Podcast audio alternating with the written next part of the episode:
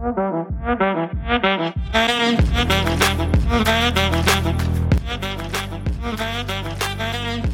ljudi, ja sam Leana i dobrodošli u 14. epizodu podcasta Nedozvoljena. Namerila sam se da ova epizoda bude malo šokantnija, da se bavimo nekim tabu temama, međutim kao i uvek meni teme za podcast same negde dođu i, i prikažu se i pokažu se. Ono što je inspirisalo ovu današnju temu jesu bili neki razgovori o feminizmu koji iz moje perspektive nekako nigde nisu stizali, barem nisu stizali tu gde sam ja žela da stignu. A onda me ceo taj razgovor koji je meni bio i frustrirajući i neprijatan i dosta nekih težih emocija, doveo do jednog pitanja kojim ću se i baviti danas u podcastu, a to je da li mi e, neke razgovore koji su teški i ne toliko nekako lagani, nebitno da li su temi ili ljudi s kojima vodimo te iste razgovore, da li mi takvim razgovorima prilazimo sa nekom vrstom znatiželje ili prilazimo sa nekom vrstom osude i kakav prostor mi otvaramo ako razgovorima prilazimo iz neke znatiželje potrebe da naučimo i da shvatimo kako ta druga osoba misli, a kakve rezultate mi postižemo ako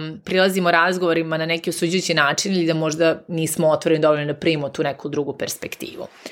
Ono što jeste vrsto, vrlo realno i ono što sam primetila kada pričamo o nekim temama koje su recimo malo škatljivije, jeste to da često ako imamo dve osobe koje se ne slažu nekim mišljenjima, da će jedna osoba zastupati jedan stav, a druga osoba neki suprotni. I da imam utisak da se često takvi razgovori vode ka ideji da jedna osoba ubedi drugu da je njena perspektiva tačna istinita A ono što, mislim, ljudi često, često zaboravljaju u toj potrebi da dokažu da ono kako oni vide svet je tačno, jeste da uh, naša percepcija je naša realnost. Da postoje stvari koje mogu da budu paralelno istovremeno tačne. Ono što je, kaže, mene inspirisalo negde ovaj, za ovu temu jeste bio razgovor sa tri muškarca koji su imali neke svoje stavove. Ja sam zastupala neke druge, kad sam pričala konkretno o feminizmu. I kada bih ja rekla, hej, svet je prema ženama ovakav ili onakav, prvi neki inicijalni feedback koji bih ja dobila je bio, a to nije tako.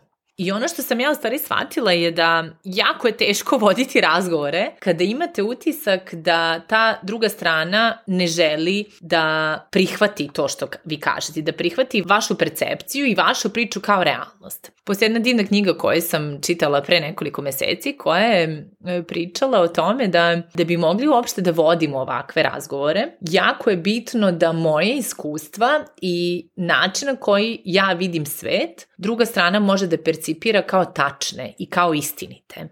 To je da ne pokušava da me ubedi da ono što sam ja proživela kao neka svoja iskustva nije tako. Samo zato što oni zbog svojih iskustava nisu imali slične događaje ili slične osjećanja.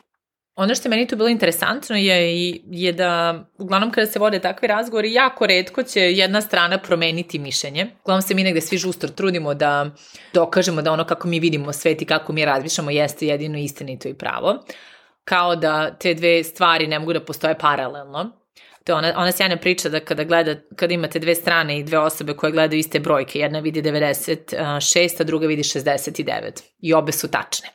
Tako isto i ovo. I mislim da kada vodimo takve teške razgovore ili neke neprijatne razgovore kojima se ne slažemo, cilj tog razgovora ne treba da bude ubeđivanje druge osobe da oni nisu pravo da mi jesmo jer to se najrealnije neće desiti i najrealnije ako neko ima određeno mišljenje neće ga promeniti. Možemo da pričamo milion nekih primjera koji su bili aktuelni poslednje vreme. To može da bude politika, može da bude medicina, može da bude feminizam, mogu da budu gej prava, može da bude vakcinacija, može da bude korona, kako god. I ja, ako, ja se ne svijem da sam nikad pristala razgovoru gde je osoba koja veruje da treba budemo vakcinisani uspa da ubedi osobe koje ne veruje da bu, treba da budemo vakcinisani u ono što ona veruje. Znači, prosto to se neće desiti, ali mislim da, da svrha svih tih razgovora ne treba da bude ubeđivanje, nego treba da bude, ili bar bilo lepo da bude, da makar se 5% približimo toj drugoj osobi, da pokušamo da shvatimo zašto ona vidi svet, način na koji ga vidi i način na koji ga doživljava. Jer ne moramo mi da promenimo naše mišljenje, ali možemo da naučimo nešto drugo. I to se opet svodi na onu priču od početka, to je da li mi takvim razgovorima prilazimo sa znatiželjom ili sa nekom osudom. Jer ako mi prilazimo sa znatiželjom da razumemo tu drugu osobu, da razumemo tu drugu stranu i da vidimo hej, zašto taj neko rezonuje način na koji rezonuje i zašto uopšte razmišlja na način na koji razmišlja. Mislim da mi prirodno i osnovno negde uspevamo da, da malo prispitamo naša sobstvena mišljenja, jer ono što je realno da mi svi ulazimo u razgovore sa već nekom idejom u glavi i da mi u suštini počinjemo od te neke tačke koje već ima određene predrasude prema tom suprotnom stavu. Ako započnemo sve te razgovore sa određenom vrstom znatiželje, mi zaista stavljamo se u poziciju da hoćemo da naučimo nešto više.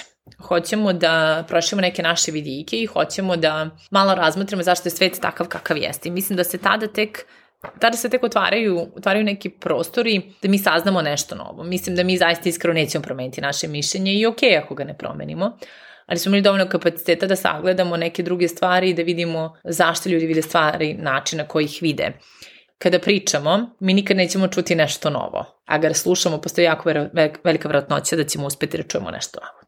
Ako prilazimo sa stvarima sa nekom vrstom znati želje da mi otvaramo neki prostor za rast i za razvoj i za učenje, a ako prilazimo razgovorima sa idejom da to nije tako i da smo već automatski odbili taj stav kao mogući, kao stvaran, mislim da je to onaj subjetivni osjećaj kao kada pričate sa zidom. Nigde nećete stići. Tako da mislim da uopšte te razgovore, ako shvatite da ta druga strana nema kapaciteta da vas čuje i ne prilazi razgovorom sa znatiželjom, mislim da je tu jedno rešenje stvarno samo otići od takvog razgovora, ne trošiti svoje vreme i energiju. Ako pak s druge strane osobe jesu spremne za tako nešto, onda hej, hajde da nastavimo. Ono što meni negde bio onako izazov i, i interesantno jako, je da ja sam, poprično imam stavove za, za dosta stvari i iskreno ne umem ni ja baš uvek da priđem razgovorima sa tom nekom znatiželjom potrebom da naučim, ali sam sebi dala izazov za ovaj mesec, a to je da svaki put kada vodim neki razgovor koji je sa nekim koji ima potpuno suprotan stav od mene, ja sam sebi običala da ću da istražim članke i da malo čitam na tu temu koju su oni zastupali. Znači, ako ja verujem da je zemlja okrugla, osoba preko puta mene smatra da je zemlja ravna ploča, hajde da istražim zašto zemlja je ravna ploča i zašto ljudi vide stvari kako ih vide. Jer mislim da je to jedni način da mi malo širimo i naše kapacitete i naše shvatanje i da imamo više razumevanja za bilo koju temu, u krajnjem slučaju za druge ljude. I da se tako učimo i nekoj toleranciji na frustraciju i toleranciji na tuđe mišljenje, krajem slučaju da malo i naše sobstvene stavove prodrmamo i zapitamo se da li su oni potpunosti istiniti i u pravu. To je to, mnogo manje šokantno, ali mislim veoma korisno, a nadam se u sledećoj epizodi već pričamo o nekim malo, malo više tabu temama. Hvala na slušanju i družimo se uskoro. Ćao!